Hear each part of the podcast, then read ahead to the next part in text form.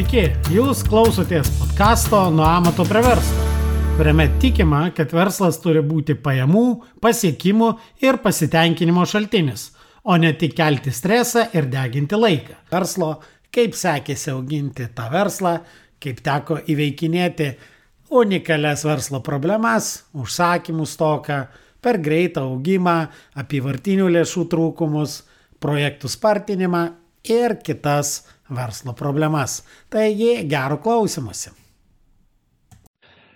Labadiena, šiandien pasikalbėsime vėlgi apie praktinę verslo darimo patirtį tokioje labai įdomioje sferoje, tai yra pasiruošimas statybų procesui, tai yra archeologiniai tyrimai. Ir šiandien pas mane svečiuose ilgametis mano pažįstamas ir klientas Donatas, kompanijos statybų archeologija įkūrėjas ir pagrindinis ideologas. Sveiki, Donatai. Sveiki, Neriau, sveiki klausytojai. Tai, Donatai, pirmiausiai pradėsiu nuo to įprasto klausimo, tai kas pats, kaip save apibūdintum, kas tu toks?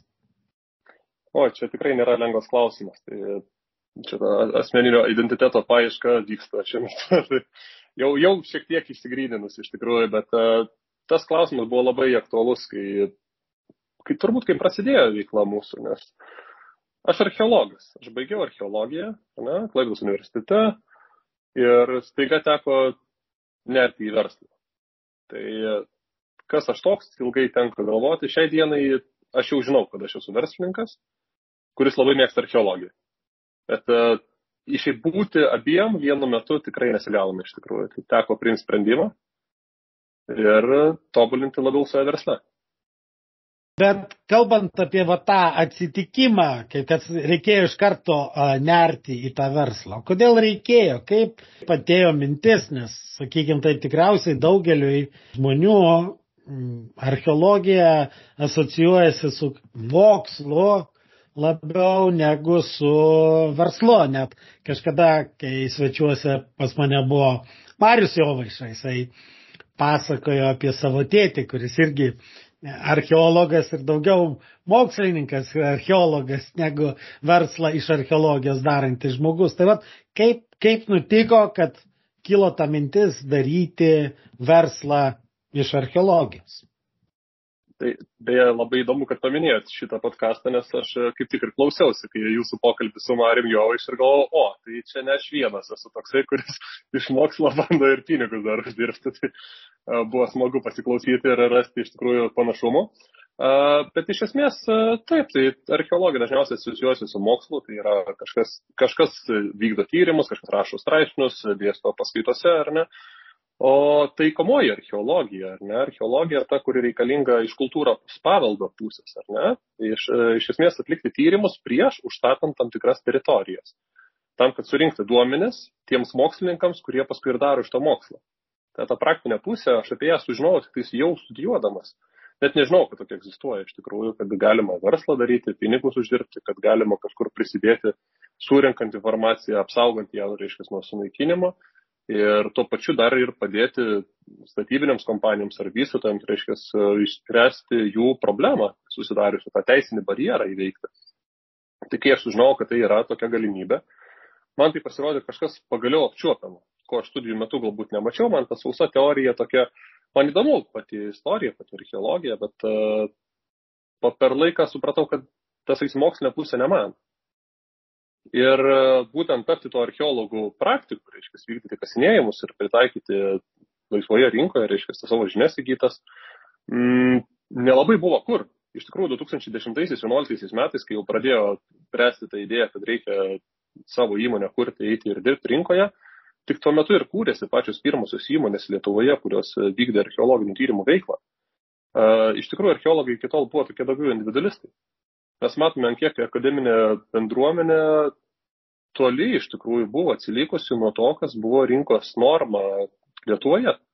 Tai tais laikais, 2011 metais, pavyzdžiui, tada, kai mes ir įskūrėme. Galima sakyti, kad e, stovėjote prie šito verslo Lietuvoje ištakų. vat vieni iš pirmųjų, kurie tą pradėjo daryti sistemingai, o ne kaip, kaip amatą. Nors matyt, pačioj pradžioj vis tiek pačiam teko ir kastavų pamojuoti, ir šepetėlio, ir, ir paplauti tos radinius. Taip, iš tikrųjų, prasme, įmonės startas buvo toks gana chaotiškas, viską teko daryti ir pardavimus daryti, ir sutartis mokintis, ruošti, tai neturėjom nei šablonų, nei pavyzdžių, prasme, internete ieškojausi, kaip, kaip padaryti, sudaryti sutartis užsakovų. Tie skambučiai tokie būdavo, ateidavo pardavimai iš niekur, nesupratau nei kaip tas procesas vyksta, Tai toks ir būdo, kad vieną pusę dienos bandai susitvarkyti prie kompiuterio dalykus, kitą bėgti į kasinėjimus, sužiūrėti žmonės, susirinkti, nusivežti į objektą.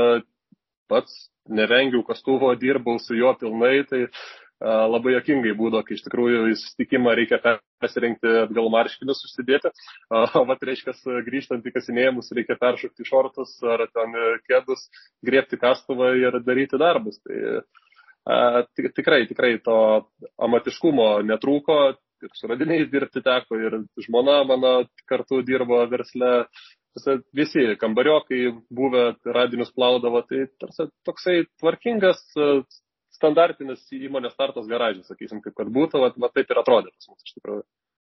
Na ir kokie esminiai vystimus iššūkiai, su kuriais teko susidurti? Kaip, kaip vystėsi ta įmonė? Tai turbūt nepameluočiau, sakydamas, kad tai šaltas dušas buvo iš tikrųjų. Visiškai netikėta, kad gali būti tiek daug dalykų, kurių iš tikrųjų nežinau. Tai 23 metų studentui, trasme, optimizmo netrūko, jaunatiškų maksimalizmo buvo, kad vežti, bet uh, susidūrus su realybė, tai hu, uh, atrodo, suplanuoji projektą, žinai, kiek, kiek kuris etapas trunka, kiek trunka parašyti projektą, kiek trunka jį apsvarstyti departamente, gauti leidimą, važiuoti į laukus, atlikti tyrimus, parašyti pažymą, sudedi viską į vieną, užsidedi dar kokį 3-4 savaitės, jeigu kartais paslystam ir vis tiek vėluoji 2 savaitės. Niekaip nesuprantu, kaip taip gali gautis. A, kaip taip gaunasi, kad atrodo sutartis pasirašai geras, objektus darai, kas jį pelno yra, pinigų nėra, tarsi sąskaitoj kažkaip tais, taip gaunasi. Ir su tokiais dalykais susidurti tenkant iš tikrųjų pradėjau galvoti, o kažin kaip viskas būtų atrodę, jeigu aš būčiau turėjęs kažkokios vadybinės patirties. Nes realybė buvo tokia, kad e, aš iš tikrųjų visiškai neturėjau jokio suvokimo, kas yra projektas, kas yra jo planavimas, biudžetas ar ten apivartinių lėšų trūkumas. Ne, tiesiog e, imi ir darai, mokaisi, vietoje iš savo klaidų. Tai e, vienintelis dalykas, kas tikrai mane labai labai vežė ir turėjau tokią, tokią misiją, kas turbūt išlaikė ilgai versle, prasme, kodėl aš gal, gal nemečiau ar nepasidaviau anksčiau, tai man labai nepatiko, kad archeologija toks buvo mistifikuotas uh, dalykas, labai užsakovai, statybų įmonių vadovai, vystytojai žiūrėdavo į archeologiją kaip į kažkokį mistinį daiktą, gal net kažkiek tai korumpuotą, čia kažkam turiu kažkodėl tai sumokėti, prasme, kad man čia ateitų iškastų, rado čia nerado, kažkokios keistos komisijos svarsto, sprendimus priima. Labai norėjau iš tikrųjų tą procesą kiek įmanoma išskaidrinti, parodyti užsakoms, supasakoti, prasme, kaip tai vyksta, kokie čia įstatymai reglamentuoja, ką daryti vienu ar kitu atveju. E, tai va, tai buvo turbūt tas dalykas, dėl ko labai stengiausi ir, ir, ir daug bendravau su užsakovais. Manau, gal dėl to ir sekėsi, dėl to požiūrio, kad matė turbūt užsakovai, manau, kad norisi padėti, norisi padaryti. Ja, tai bet va. pripažinkim, kad iš tikrųjų jūsų verslo paklausą saliginai sukuria valstybė su savo reguliacija, nes reikalauja, kad būtinai turėtų būti tas tyrimas. Nes e, ne vienas statytojas, ar, sakykime, galbūt ne, kad ne vienas, bet, bet 99 procentai visų statančiųjų savo tiesioginės naudos iš archeologinių tyrimų kaip ir nemato. Tai vienintelė archeologinė nauda, nu, ta, e, ne archeologija, bet ta nauda statytojai yra tai, kad be jūsų tyrimų jisai negaus leidimo statybai. Tai galbūt tai kažkiek prisideda prie to, kad e, atrodo tai, nu, toks priverstinis dalykas ir mažiau vertės pats klientas tiesiogiai išvelgia. Nors, jeigu tai pasižiūrėt, vis dėlto jūs vienai par kitaip, nu, galima sakyti, saugote visuomenės interesą, nes nu, visi mes turėtumėm būti suinteresuoti, kad mūsų istorija ar būtų pakankamai išsaugota. Taip, bet tai čia yra iš tikrųjų archeologinio paveldo konvencija, jinai yra priimta visoje Europos Sąjungoje iš tikrųjų. E, valstybės vakaruose, vakarietiškas požiūris ir yra toksai, mes tą paveldą turime saugoti, mes norime kuo daugiau apie jį sužinoti. O štai archeologinių tyrimų procesas, jis yra toksai, mes atliekam radamuosius tyrimus iš tikrųjų. Mes išimam tai, ko daugiau nebebus. Mes esame tas paskutinis e, frontas, paskutinis barjeras, kuris apsaugo nuo visiško sunaikinimo ir daugiau niekada to nebebus. Tai kaip tinkamai mes surinksim medžiagą, ją pateiksim, nuo to labai daug kas priklauso, iš tikrųjų, kaip, kiek mes sužinosime apie tą praeitį. Ir taip, daugumą užsakovų vis dėlto mane nustebino, iš tikrųjų jie turi gana pozityvų požiūrį. Ir uh, jie sako, aš suprantu, kam to reikia. Tai aišku, yra išskirtinių atvejų, kurie tas kažkodėl tai aš lieku kaltas, kad yra tokie įstatymai valstybėje, tai tenka pasiginčyti nemažai kartais, bet uh, vėlgi, aš suprantu, jie moka už tai, ko jiems teoriškai kaip ir nereikia. Tai taip, jeigu įstatyminė bazė pasikeistų, tai tektų, ko gero, tektų uždaryti verslą, gal ir taip netgi būtų. Tai, na, sakysim, šitoje vietoje tai teisus esate iš tikrųjų ir kažkokia tai forma tas, tas įstatyminis barjeras sukurtas padeda atsidurti, susikurti tokiam verslui kaip mūsų. Bet pripažinkim, kad tai ne vienintelė sfera, kur, kur yra, nu, sakykime, vienoks ar kitoks valstybės e, reguliavimas, sukuriantis tam tikrą papildomą, nu, net erdvę e, verslui, ta pati darbų sauga ar ten kiti dalykai, kur yra valstybės įsikišimas ir valstybės reguliavimas. Na, o kokios buvo, kokie buvo iššūkiai vystant tą verslą be projektų valdymo, nu, bazinių projektų valdymo žinių stokos. Vis tiek matyt, per jau nuo tų 11 ar 12 metų e, jau teko matyti įvairiausių situacijų šitam versle. Ja, tai iš tikrųjų labiausiai įsiminė, ko gero, turbūt 2015 metai, kai kada aš suvokiau iš tikrųjų, kaip, kaip ta rinka yra tokia, nu, vat, užsakomoji, sakysim, pagal paklausą jinai arba yra, arba jos nėra. Tas aš negaliu jo sukurti. Tokio, kokio dydžio rinka tais metais bus, pagal numatomus valstybinius projektus ir privačias investicijas, tokį aš ir gausiu iš tikrųjų. Tai 2015 metais e, pirmą pusmetį pardavimų kritimas buvo nu, lygiai per pusę iš tikrųjų, 50 procentų mažesni pardavimai.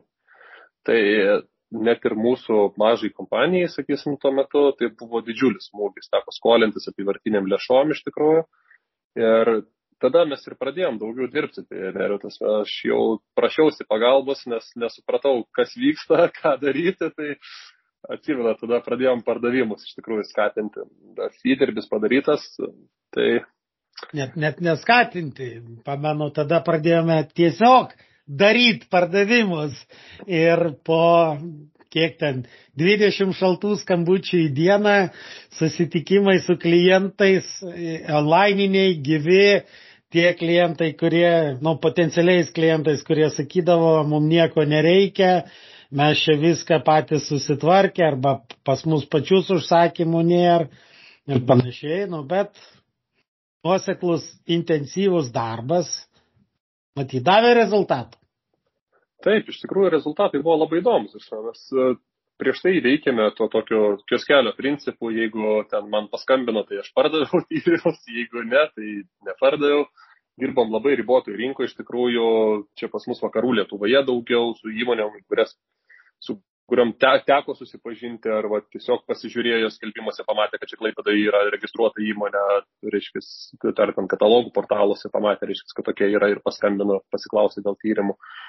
Tai e, išėjom plačiai per visą Lietuvą, įsikūrėm padalinį Vilniuje, stipriai pradėjom dirbti Kaune, iš tikrųjų vis, vis, visą Lietuvą pradėjom dengti, nes iš tikrųjų prasme, tie pardavimai, tas koncentruotas sisteminis požiūris, reiškia tai, kad reikia tą rinką plėsti, reikia dirbti, davė rezultatus.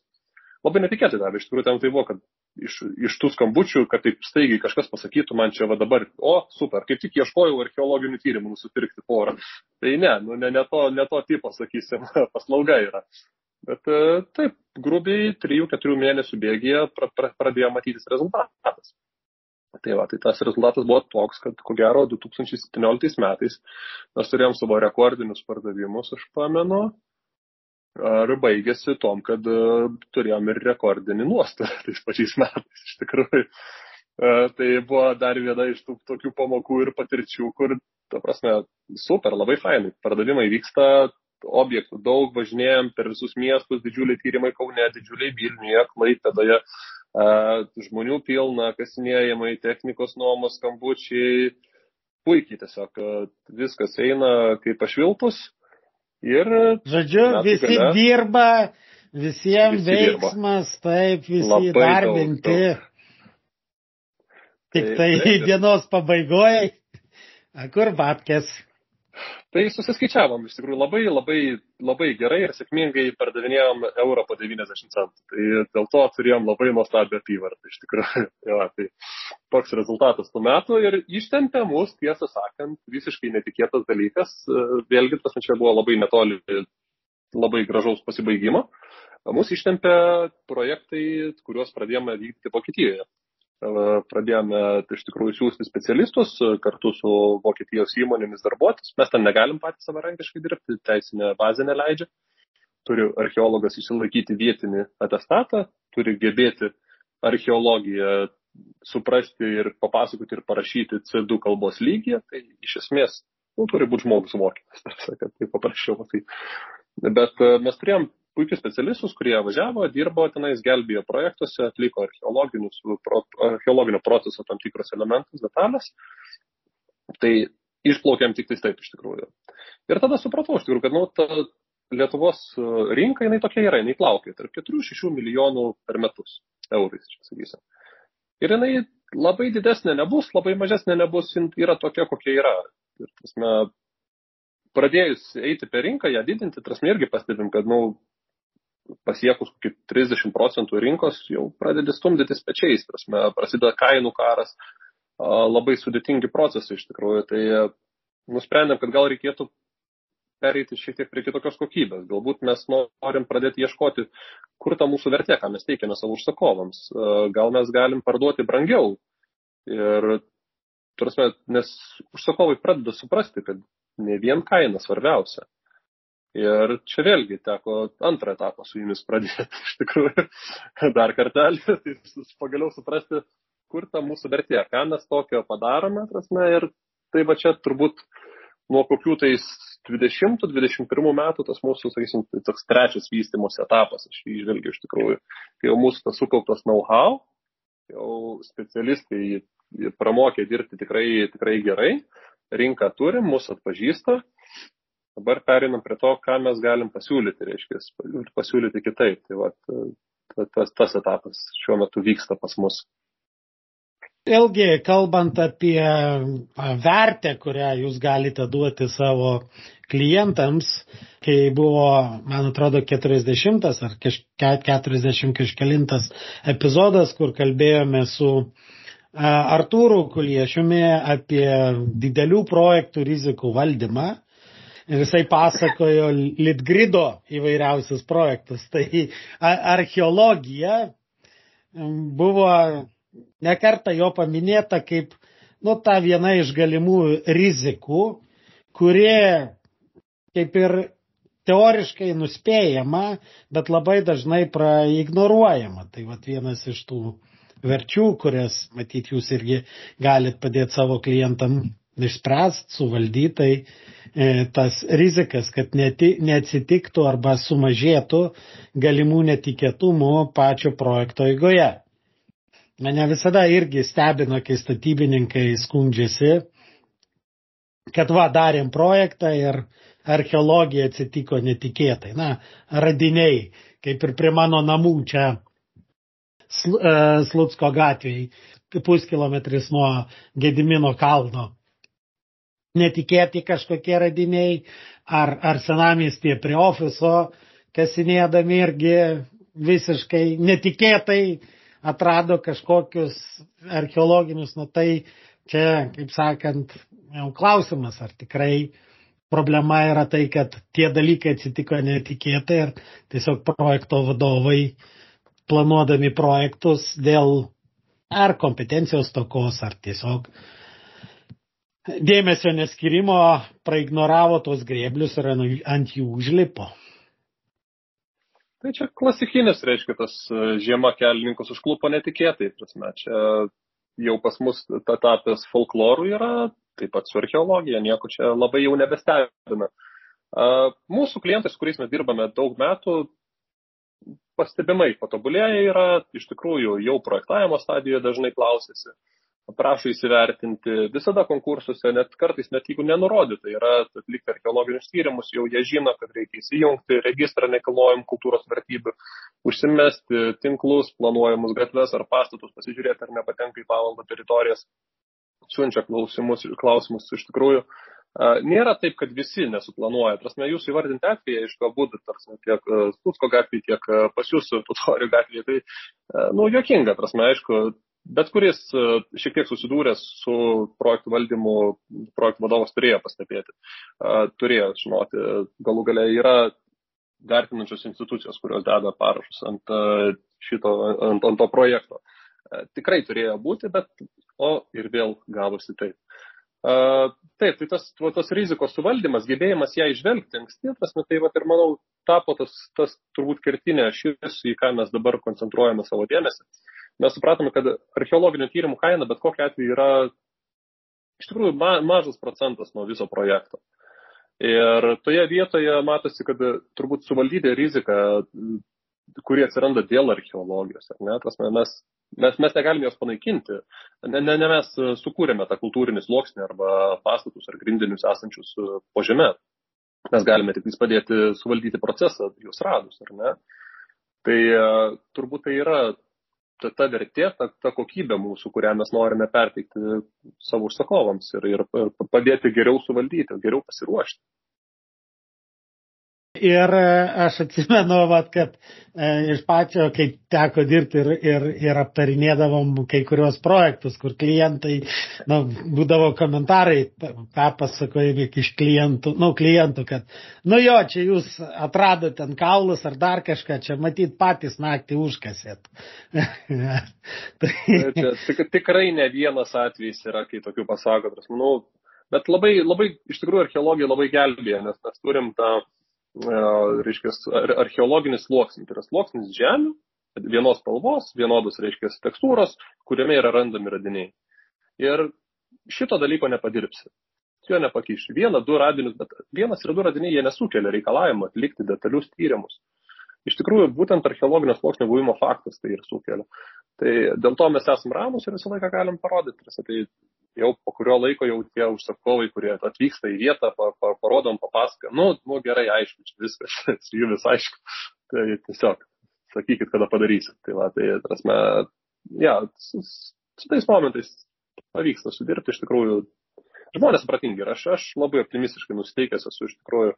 Turim labai gerų klientų, labai gerų užsakovų, iš tikrųjų tikrai mm, aš, aš maloniai nustebintas esu, kaip rinka keičiasi į geresnę pusę visuomenė tobulėja ir projektų vadovai tobulėja ir užsakovai tobulėja. Natūralu. Ir jūs tobulėjat. Kažkada buvo viską galim, po to pradėjot jau aiškintis, kad ne visai viską galim, pradėjot skaičiuotis. Kažkuriuo metu uh, supratote, kad ir reiškia, reikia ir pasiskaičiuot, nepardavinėti uh, euro už 90 centų. Tai smagu, kad viskas tobulėja. Na ir galiausiai vis tiek e, praeitą rudenį susidėliojame jau tolesnį ilgalaikę e, stabilesnio to ir tvaraus vystimosi strategiją, tai dabar dar mažiau bus blaškimusi. O, Jeigu tai... Tai neriau, aš dar, dar gal dadėsiu, tai patikėkit, pas archeologą darbų pati natūra tokia yra, kad jisai daug procesų visokių daro. Ir tai yra įstatymo numatyta. Ir e, kai mes pradėjome, reiškia, po truputėlį tą blašką, multitaskingą, tą lietuviškai multitaskingą, tarptautinę kalbą blašką, reiškia, kai pradėjom tvarkyti, jūs pat prisimenat, kiek, kiek iš tikrųjų daug procesų, žiūrim, archeologas turi padaryti ir, ir objekte, ir po to kabinete, rašydamas ataskaitą. Tai pradėjus šitą sistematizuoti, net nustebom, atrodo, nieko tokio lyg ir nepadarėjai. Bet srautas spartėja. Tas visų pirma, srauto spartinimą, tai mes e, iš vis jau jūsų rekomendacija iš tikrųjų dėl darom kaip visą bendrą mąstyseną, kaip ideologiją kompanijos iš tikrųjų. Ir ir tas susitelkimas, tas susifokusavimas tas rautos spartinimą e, labai aiškiai parodo tas vietas, kad štai multitaskingas yra ta vieta, kur mes daug prasileidžiame. Štai pilno krepšelio neturėjimas, reiškia, neturė, neturint pilnų duomenų pradėti kažkokį tai darbą, jis sukuria irgi grįžimą ir, ir atsimetimą nuo darbo ir vėl. Tai iš tikrųjų šiai dienai, dabar jau, va, šiandieną turėjome mes planavimo susirinkimą, susidėliojom ir labai aiškiai matau, kad kiekvienas daro po vieną darbą nebeliko jokių tokių, kad turiu šią savaitę 15 darbų. Ne, darom po vieną, pasidarom, o jeigu ką, tada vat, ateinam, sprendžiam, ką daryti toliau. Tikrai pavyksta išvengti daug, daug galvos skausmo tai vietoje. Ir svarbiausiai, tai nėra taip, kad jie tik tai vieną projektą daro ar vieną užduotį daro, bet tas svarbus dalykas tenka dažnai irgi girdėti iš vadovų ir projektų dalyvių tos komentarus, kad ašgi negaliu dirbti tik prie vieno dalyko. Aš pilnai suprantu ir, ir būna ir gaisrai ir visko, bet mes kalbame apie tai, kad stengtis ir fokusuotis vienas dalykas vienu metu. Ir va čia va tas, tas svarbiausias. Ir labai dažnai mes patys per savo tą multitaskingą ir sukuriam papildomą multitaskingą, kadangi kažkokio darbo neužbaigiam iki galo patys, taip, tai vidury darbą numetėm ir po kažkurio laiko jau vėl grįžtam prie to pačio darbo darimo ir taip susikuria visokie papildomi multitaskingai, o peršokinėjimas ir panašiai lėtina srautą. Dar jūsų, iš tikrųjų, patys projektai yra labai įdomus ir yra tas niuansas, kalbant apie archeologinius projektus, kad iš esmės jūs pinigus gaunat nepabaigę projekto. Dalinai. E, tas, kad, kad tam jūsųgi archeologo projektas baigėsi ne tada, kai klientui pateikėt išvadą. Taip, iš tikrųjų tas e, dvilypiškumas pabaigos, sakysim, mes atsiskaitome dviems, sakysim, dviems projektų užsakovams, sakysim taip. Vienas tai yra valstybė, kuri gauna galutinę tyrimo ataskaitą. O kitas tai yra mūsų tiesioginis mokėtojas tyrimų užsakovas, kuris gauna pažymą apie atliktus archeologinius tyrimus. Apimtimi gali skirtis 20-30 kartų. Sakysim taip. Pateikti pažymą labai paprasta. Pateikti pažymą išrašys sąskaitą, pasiemi pinigus. O tada prasideda toks įdomus dalykas, tas ataskaitos rašymas. Tai čia tradiciškai buvo taip, kad archeologai žiemą rašo ataskaitas, nes, nu, vasarą kasa žiemą rašo. Bet kaip taisyklė, ta žiema yra keturis kartus trumpesnė už tą vasarą, nes, nu, aišku, yra vasara, bet pavasaris ir ruduo irgi yra mūsų darbiniai periodai. Ir taip gavosi, kad ypač kai tais metais, kai labai daug prikasam, tai ni pro kur parašyti nesigauna. Gaunasi tokia eilė didžiulė tų ataskaitų, neparašytų ir motivacijos jas rašyti dar mažiau lieka, nes pinigai jau yra gauti, o neatskaitas archeologas negali dirbti sekančiais metais. Tai kai jau mes pastebėjom, kad pradedam trūkti archeologo, teko pradėti įvardinti teisingai, kas yra projekto pabaiga. Tai vėlgi čia su jūsų pagalba pavyko identifikuoti, kur tas butelio kakliukas ir kur tas mūsų pribojimus radosi, tuo metu jau į leidimus perėjo jau tada, kad, kad leidimų galėtumėm gauti ir galėtumėm vykdyti toliau veiklą, teko susikoncentruoti ir pertvarkyti visą procesą. Kad svarbu tapo nebe greičiau iškasti, bet greičiau surinkti medžiagą teisingai, tam, kad galima būtų po to greičiau parašyti tas ataskaitas. Čia tas labai mažas, tas labai mažas pokytis, kuris iš esmės pakeitė viską. Ja, tas, jis labai sunkiai pastebimas yra žmogui, kuris nė, nėra specialistas. Tai, kaip mes su jumis kalbėjome, atrodo, nieko tokio daug ir nepadarėm, bet šiai dienai tų ilgų eilių jų nebėra. Dar e, labai svarbus dalykas yra tai, kad kalbant apie va, tą pasiruošimą, kai buvo e, didelė orientacija visą laiką dedama, nu, va, kaip greit iškasti ir kuo greičiau iškasti ir kaip lengviau pasidėti tą informaciją, bet lengvai pasidėti, kad, kad neužtrukt laiko padėti tą informaciją, bet galutiniam rezultate tai po to užtrukdavo laiko surasti tą informaciją rašant ataskaitą, nes tu sėdi rašyti ataskaitos po pusės metų nuo to laiko, kada tu kasėjai. Ir dar labai dažnai būdavo tai, kad tai jeigu kažkur kažkokios informacijos pritrūko, tu net nelabai gali jau pasitikrinti ir pasižiūrėti, nes, nes jau tas objektas seniai baigtas kasti ir užstatytas ir, Ir, ir šitas tai va ta iš tikrųjų pakeistas požiūris į kaip saugom informaciją ir kad informacijos surinkimas ir užtikrinamas pilno krepšelio ne tik tai ataskaitos e, klientui parašymą, bet ir tos galutinės ataskaitos parašymui subordinavimas informacijos. Tai irgi labai smarkiai sutaupia laiko ir laiko, ir nervų, kiek iš tikrųjų, nes uh, už kiekvieną tą trūkstamą informaciją po to archeologas jie turi atsiskaityti, jungtis ar keliauti netgi fiziškai į mokslinio archeologijos komisiją ir, ir gauti vilnių ir taisyti ataskaitą, rinkti duomenis, po to iš visų, iš šalutinių duomenų, ką turi objektai, ten trūkstamos ten kažkokios koordinatės, jeigu reikia išskaičiuoti, surasti, tai užtrunka be galo daug iš tikrųjų. Ir šitie perdarimai, tas tikrų tikrasis brokas archeologinis, jisai suvalgydavo labai daug laiko iš tikrųjų ir labai daug resursų. Ir šiandieną sumažinę šito broko, šito perdarimo, laškos, mes iš tikrųjų pagaliau galime sakyti, kad taip tikrai neblogai sekasi, tikrai srautas spartėja ir spartėja tikrai greitai. Ir e, pas darbuotojus atsirado didesnis pasitenkinimas kai mažiau blaškosi, kai jie gali susitelkti ir nebėra to streso. Ypač dar jeigu prisiminti, kad projekte, nu tam didesniam projekte dirba keletas žmonių ir po to prasidėdavo netgi kas kaltas, kas nesurinko reikiamos informacijos ir, ir ta netgi darbuotojų trintis. Markai jau yra aiškiau standartai paruošti, kokią informaciją, net kartais galbūt ir perteklinę, surenkam, bet rašant po to tą galutinę ataskaitą tam jau, sakykime, archeologijos departamentui, e, nebėra to, to ir streso, ir, ir nu, viskas daug paprasčiau vyksta. Tai iš esmės, ar su archeologais taip yra, archeologai yra atestuoti specialistai. Ne įmonės yra testuojamos, o jie kaip fiziniai asmenys. Tai yra normalu, kad žmogus, būdamas specialistas archeologijos, jis nori būti gerai vertinamas, jis nori kokybiškai atlikti darbą. Ir tikrai nėra labai komfortabilu dėl skubos, dėl multitaskingo, dėl kažkokio tai a, pamiršto dalyko, po to traudonuoti prieš komisiją, trasme, ir tiesiog būti vardinam kaip nekompetitingų tyriejų. Niekas to nenori. Todėl mes suprantam, kad tai yra ir labai svarbi būtinoji sąlyga iš tikrųjų šito poreikio darbuotojams patenkinimas. Ir taip, prasme, kas yra atsakingas už ką irgi yra labai svarbus momentas, prasme, nes e, ta kaltųjų paieška vis pirma neduoda jokio rezultato, jinai jau, jau yra post factum.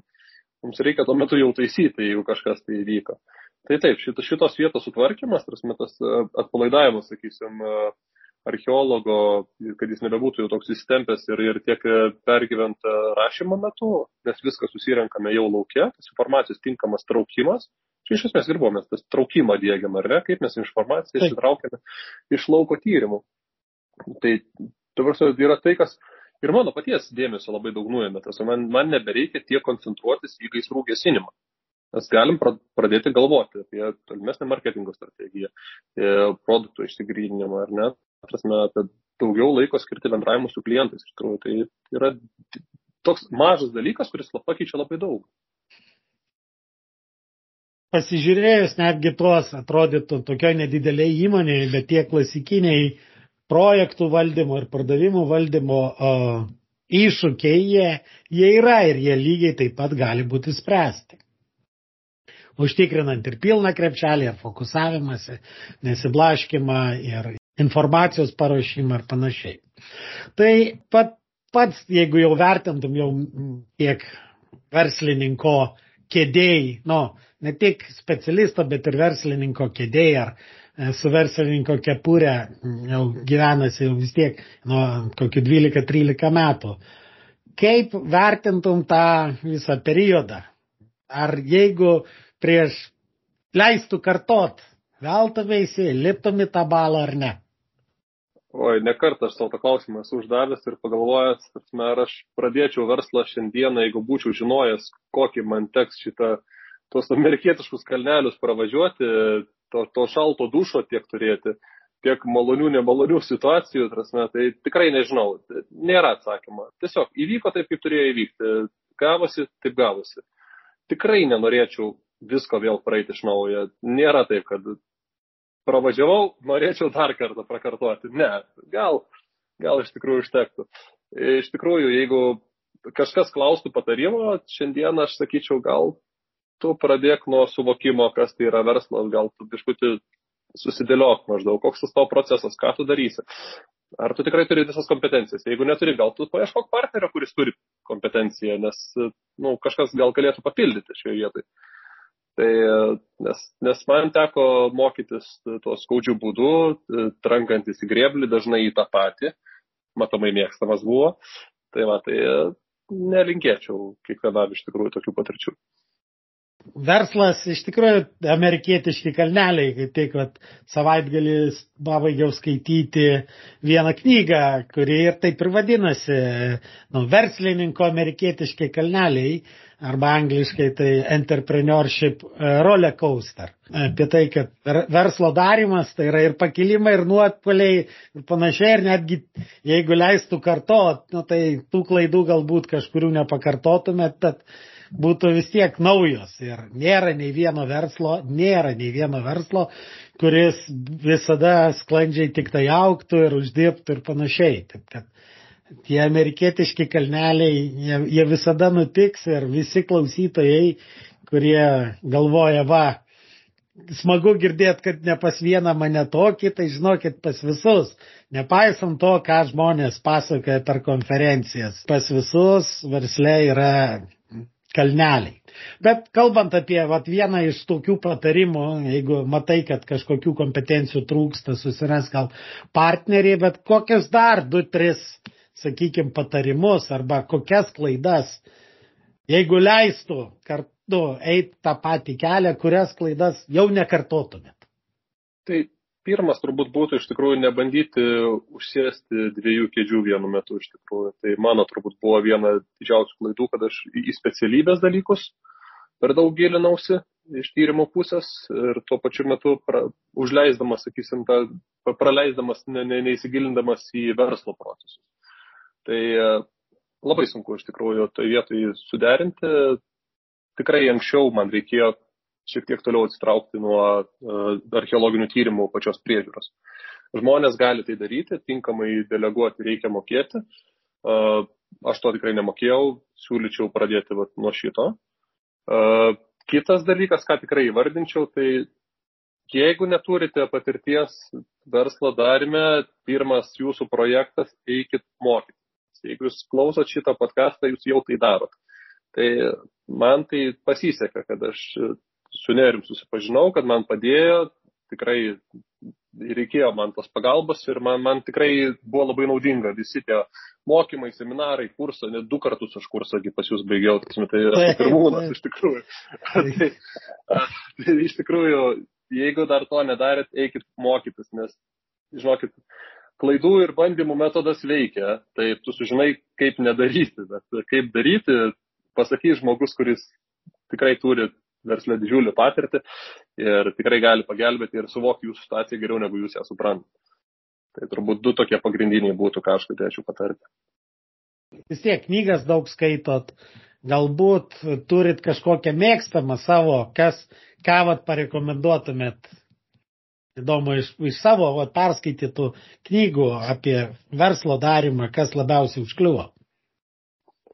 Tai man turbūt mhm. paties rekomenduota iš tikrųjų Keith J. Cunningham, iš tikrųjų man, nu, toks stiprus, jisai pats autorius yra iš tikrųjų labai geras.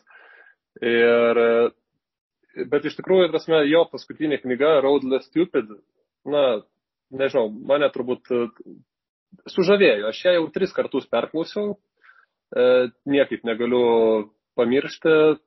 Dažnai jo patarimai iš tikrųjų sėsti su popierium ir pagalvoti naudoju. Jis visiškai kitokį požiūrį į verslą padeda suformuoti iš tikrųjų. Aš, aš to neturėjau. Man rizikos valdymas ir atsargus peržiūrėjimas ir, ir, ir atsisėdus griežtas procesų apsirašymas ir, ir, ir ir tų pačių tikslų ir galvojimas apie problemą susitelkus, tai yra man kažkas tokio svetimo. Aš, aš esu tas, kur greitas bėga, daro, paskui išspręsim. Tai man, man asmeniškai labai, labai patiko. Tai Keith J. Cunningham Road Less Stupid tikrai labai rekomenduoju. Nežinau, yra lietuvių kalba iš tikrųjų, bet e, nesvarbu, manau, daugumas vis tiek anglų kalbą supranta, pa, pa, pabandykit, žinokit, tai įspūdinga. Taip, įdėsim į podkasto šito epizodo aprašymą nuorodą ir į pačią knygą.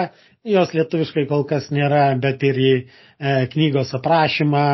Tai yra tikrai ir pats pavadinimas, kad mažiau kvailas kelias, ne, nepratingesnis, o tiesiog mažiau kvailas kelias.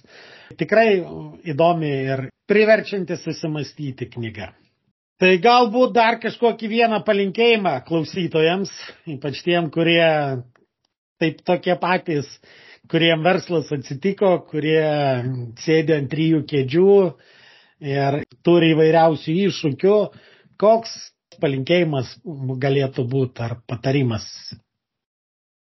Tai visų pirma, aš jūs labai užjaučiu, bet nepasiduokit, šiek tiek ramiai atsisėskit, pagalvokit, tikrai išjungkit telefoną, užverskit kompiuterį, išsitraukit popieriaus lapą. Ką šiandieną turit kokią didžiausią problemą, apie ją šiek tiek pagalvokite ir užsirašykite. Tik tais tiek, žinokit, padės labai daug, daug daugiau negu daugumų patarimų, kuriuos galite išgirsti kartais. Tai ačiū Donatai iš tikrųjų už labai įdomų pokalbį ir ypač tą pasidalinimą savo patirties. Na ir sėkmės ieškant įdomių archeologinių atradimų ir sėkmės darant verslą. O su klausytojais susigirdėsime kituose epizoduose. Tai ačiū. Viso geriausio. Jeigu jums įdomu sužinoti, kaip Donatui ir jo komandai sekėsi standartizuoti ir spartinti projektų srautą, kviečiu pasižiūrėti Donato pranešimo tarptautinėje apribojimų teorijos konferencijoje įrašą. Šį įrašą galite rasti adresu www.amverklubas.lt pakrypęs brūkšnys Donatas. Taip pat įrašo nuorodą rasite šio epizodo aprašyme jo komandai sekėsi standartizuoti ir spartinti projektų srautą, kviečiu pasižiūrėti Donato pranešimo tarptautinėje apribojimų teorijos konferencijoje įrašą. Šį įrašą galite rasti adresu www.amverklubas.lt pakrypęs brūkšnys Donatas. Taip pat įrašo nuorodą rasite šio epizodo aprašyme. Dėkoju, kad klausėtės. Ir nepamirškite užsiprenumeruoti šį podcastą, kad visuomet gautumėte informaciją apie naujausias laidas. Taip pat būsiu labai dėkingas, jei įvertinsite šį podcastą palikdami atsiliepimą savo įprastoje podcastų platformoje. O jei pažįstate kažką, kam jūsų nuomonė šis podcastas būtų naudingas, būtinai pasidalinkite. Iki!